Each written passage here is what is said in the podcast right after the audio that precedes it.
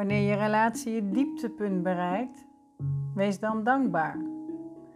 Er is nog maar één weg terug en die is omhoog.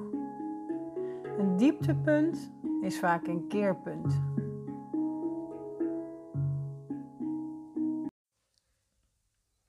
Wat nou als je relatie op vakantie het dieptepunt bereikt? Vakantie, wat kijken we er toch altijd naar uit, maar wat gaat er toch vaak iets mis? En een van de dingen waar je al helemaal niet op zit te wachten is als je relatie het dieptepunt bereikt tijdens je vakantie. Waarschijnlijk was er al gedoe samen toen je ging, maar je was echt voornemens de vakantie te laten slagen. Maar vakantie is niks anders dan het, gewoon het normale leven. Je neemt dus alles van jezelf en elkaar en het gedoe dat er al was, neem je gewoon mee. Het gaat gewoon hoppakee, lekker mee je koffer in, of je nou wel of niet inpakt. En er zijn echt wel een paar hardnekkige oorzaken waardoor het mis kan gaan op vakantie, in je relatie. Ehm, ik ga deze, in deze podcast uitleggen, uh, wat toelichting geven. Uiteraard geef ik ook de tips bij. Ehm, waarschijnlijk ben je al terug van vakantie. Ehm, misschien hoor je deze nog voordat je op vakantie gaat. Dus ik vertel je wat je kan doen op vakantie zelf, maar dus ook wat je thuis kunt doen als het mis is gegaan. Nou, een van de eerste dingen uh, wat echt killing is voor je relatie, is de hoge verwachtingen. En dat is natuurlijk niet alleen op vakantie. Hè? Um, te hoge verwachtingen is op alle fronten, op alle plekken in je leven eigenlijk absoluut killing. maar zeker voor een vakantie, je telt vaak een flink bedrag neer. Ehm, voor een beetje leuke vakantie. Dat moet gewoon goed gaan, toch? Voel je hem? Dat is wel echt vragen om problemen. Nou, daarbij komt ook vaak dat we vooraf iets gecreëerd hebben waardoor die vakantie broodnodig is, hè? als een soort revalidatie, herstelmoment. En juist dan zijn die te hoge verwachtingen funest. Um, je gaat hard je best doen, je komt weer in aanpassen terecht. Ehm, het valt tegen, want ja, hè, dat weten we natuurlijk allemaal eigenlijk wel. Hè. Verwachtingen komen nooit uit zoals we ze in ons hoofd hebben. Um, en in dat aanpassen ga je in bochten wringen. Je gaat misschien wel sturen, controleren, omdat je dus wil dat die verwachting uitkomt. De ander die reageert daar weer op van doe nou eens rustig. Nou ja, um, herkenbaar denk ik wel. En als het dan al niet zo lekker ging, dan is dit iets waardoor je dus sneller ontvlamt naar elkaar. Um, omdat je allebei zo had gehoopt dat het nou even niet zou zijn. Nou, een tip die hierbij hoort ehm, is besef dat een vakantie niets anders is dan het leven zelf. En de lat mag op vakantie nog lager dan thuis. Probeer open te staan voor wat er op je afkomt. Geef je over. En weet dus dat alles gewoon mee je koffer ingaat. Dus wat je thuis nodig hebt in jullie gedoe voor jezelf, dat heb je ook op vakantie nodig. Stel jezelf letterlijk de vraag: wat heb ik nu nodig? En geef jezelf dat ook, hè? Hoe lastig het misschien ook is. Misschien eh, heb jij het idee van, ah, nu zijn we samen, nou gaan we uh, echt uh, quality time met elkaar. Maar misschien heb je wel heel veel behoefte eerst aan rust en me-time. Moet je echt even tot jezelf komen. Um, dan is dat wel iets wat je moet gaan doen. Nou, is het misgegaan op vakantie, dan is deze tip dus net zo belangrijk. Verwacht even niet te veel van elkaar. laat elkaar echt even bijkomen wanneer je thuis bent. En iedereen heeft erin een eigen tempo. Um, geef elkaar die rust en die ruimte. Een tweede ding waardoor vaak iets misgaat in een relatie op vakantie is dat onuitgesproken pijn omhoog komt in rust. wanneer je even niks meer hoeft, je ruimte hebt om stil te staan, dan komt er in omhoog wat je al die tijd onderdrukte. Dat kan frustratie zijn, verdriet, boosheid, gevoel van alleen zijn. En het kan je overvallen op vakantie. Je zag het waarschijnlijk ook helemaal niet aankomen. Lig je daar lekker op je, op je strandbedje onder een palmboom of sta je, zit je lekker op een terrasje in een leuke stad, waar je ook bent. Ehm, je wil het in ieder geval niet. Je wil het uiteindelijk eens even fijn hebben samen. Ja, daar heeft die onuitgesproken pijn geen boodschap aan, want dat wil had maar één ding en dat is eruit. Dus als tip, spreek je uit. En ook deze tip geldt natuurlijk weer voor altijd. Ik zeg niet voor niks. Vakantie is gewoon het normale leven. Ehm, alleen is het soms een beetje een soort van snelkookpan of zo, waardoor het, ehm, net als met kerst, alsof er een soort vergrootglas op ligt, um, waardoor alles zoveel helderder wordt. dus praat over wat je dwars zit. Lukt het niet meer voor de vakantie en gaat het dus mis op vakantie? Parkeer het dan tot je thuis bent. Of bij een goede therapeut, hè, wanneer je thuis bent. Of maak toch die lange strandwandeling samen. Hangt een beetje vanaf. Hè, als jullie een, een, baby en een peuter hebben, dan, dan kan je niet samen die strandwandeling maken. Dan zul je moeten parkeren. Heb je veel meer ruimte samen. Dan kan het heel goed zijn. Dan kan dat wel een hele goede keuze zijn. Maar voel maar eens of dat dan past en, en of dat jullie lukt op dat moment laat even de wind, de pijn alvast maar een beetje meenemen. Nou, lukt dat dus niet op vakantie? Ehm, of lukt praten thuis ook niet meteen? Koop een dagboek als je die nog niet hebt en ga schrijven. Schrijf je hoofd leeg. Schrijf even je systeem leeg. Want op het moment dat je dan wel gaat proberen met elkaar te praten, dan staat het water in ieder geval niet uh, uh, tot aan je lip of tot aan je neus of zo. Um, ja, te moe zijn. Te moe zijn is eigenlijk op elk moment in je leven funest. Je hebt gewoon geen reserves meer, geen barrière, waardoor je sneller ontploft, bij je diepste emoties belandt en dus duivels kunt reageren. Vaak doen we ook nog eens veel te veel op vakantie, een soort van fear of missing out. Uh, willen alles meemaken, alles zien, alles doen, uh, waardoor we eigenlijk niet goed uitrusten. En je loopt dan simpelweg sneller over en een opmerking schiet dan gauw verkeerd. Het lukt je dan ook gewoon niet meer om die te relativeren. Dus stel dat de ander misschien ook een beetje vanuit te hard zijn of haar best doen, een grapje wil maken. En jij bent te moe, ja weet je, olie op het vuur hè. Dus, de tip.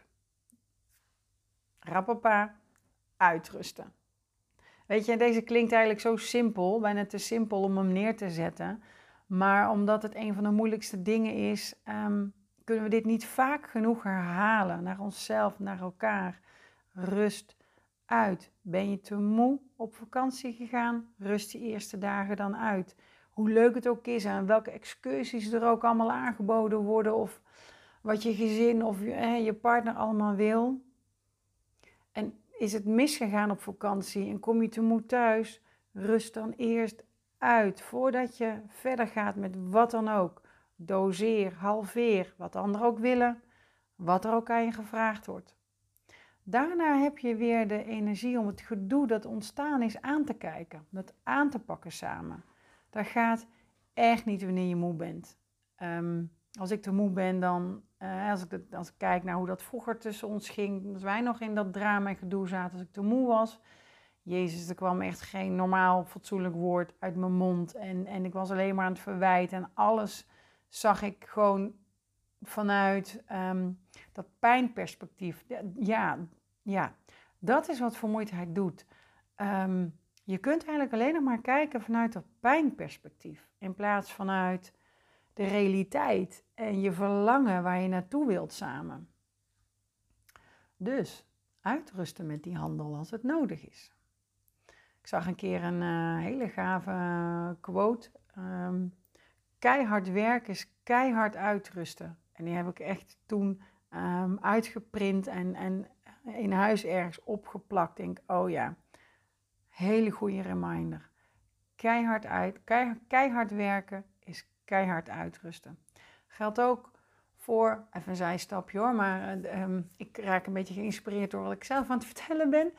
Um, als je heel hooggevoelig bent en je bent op plekken uh, waar heel veel prikkels zijn, dan zul je ook echt moeten ontprikkelen. Ehm, dus als dat betekent dat jij op vakantie even alleen naar je hotelkamer moet of even alleen die wandeling moet maken, omdat je bijvoorbeeld samen caravan of tenten, doe dat. Zorg daarin goed voor jezelf.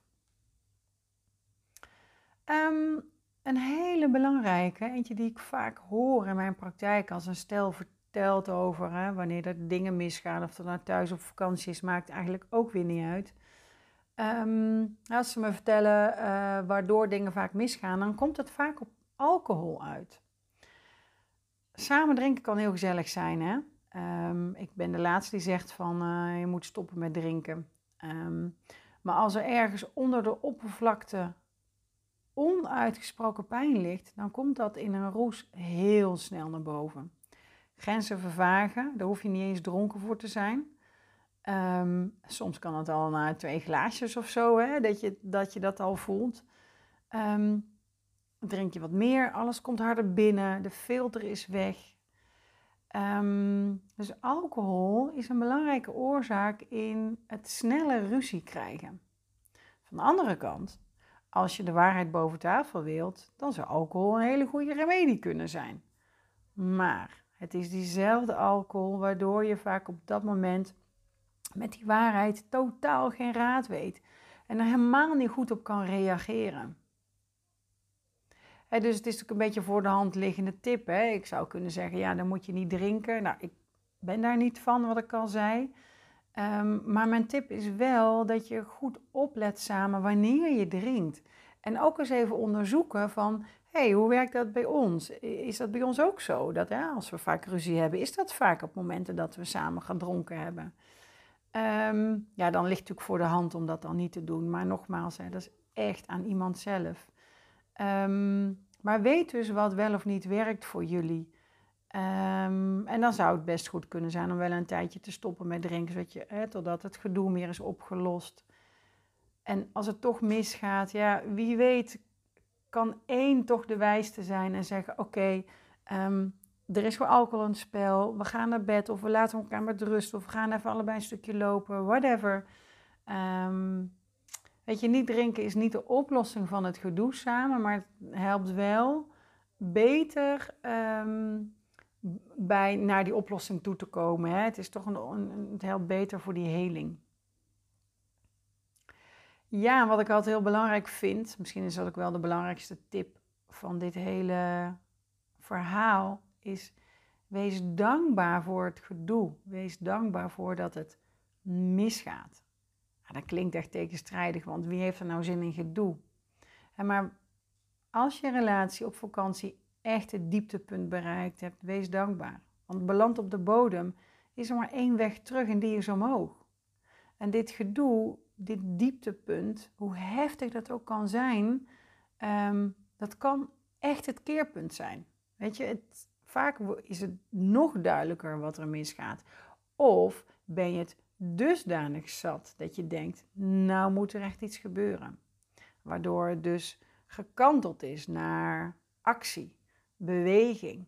En dat betekent altijd verbetering, heling en uiteindelijk weer verbinding. Dus is het tijd voor jullie liefde, tijd voor jullie samen. Kijk, als praten samen gelukt was, dan had je, had je jullie relatie dieptepunt niet bereikt. Hè? En onder begeleiding van een goede therapeut werken aan je relatie en jezelf, dat zou eigenlijk elk stel zo af en toe eens mogen doen. Wij blijven het nog steeds doen. Uh, weet je, simpelweg omdat liefde vraagt om blijvend onderhoud. Nou, zeker wanneer je dus samen dieptepunt bereikt hebt, vraag dan een gratis recht naar je kernsessie aan. Daarin kijken we samen van wat gebeurt er nou? Wat is het mechanisme? Wat hebben jullie nodig? En vooral, en dat ervaar je dan in het samenwerken even, want ik besteed echt goed tijd uh, in zo'n sessie, um, of ik de juiste persoon ben. Nou, je kunt hem aanvragen via mijn website, bij contact. Um, ja, ik kijk heel graag met jullie mee. Um, liefde kan zo leuk zijn. En daarvoor is gedoe ook wel vaak nodig, omdat je dan steeds dichter bij elkaar komt. Je leert elkaar daarin beter kennen. Maar het is wel heel fijn als je gewoon weet van hoe pak je dat dan aan en um, hoe kun je kijken dat het niet persoonlijk wordt. Hè? Dus hoe kun je samen op een afstand naar jullie relatie kijken? Um, nou ja, ik loop graag even met jullie mee als het nodig is.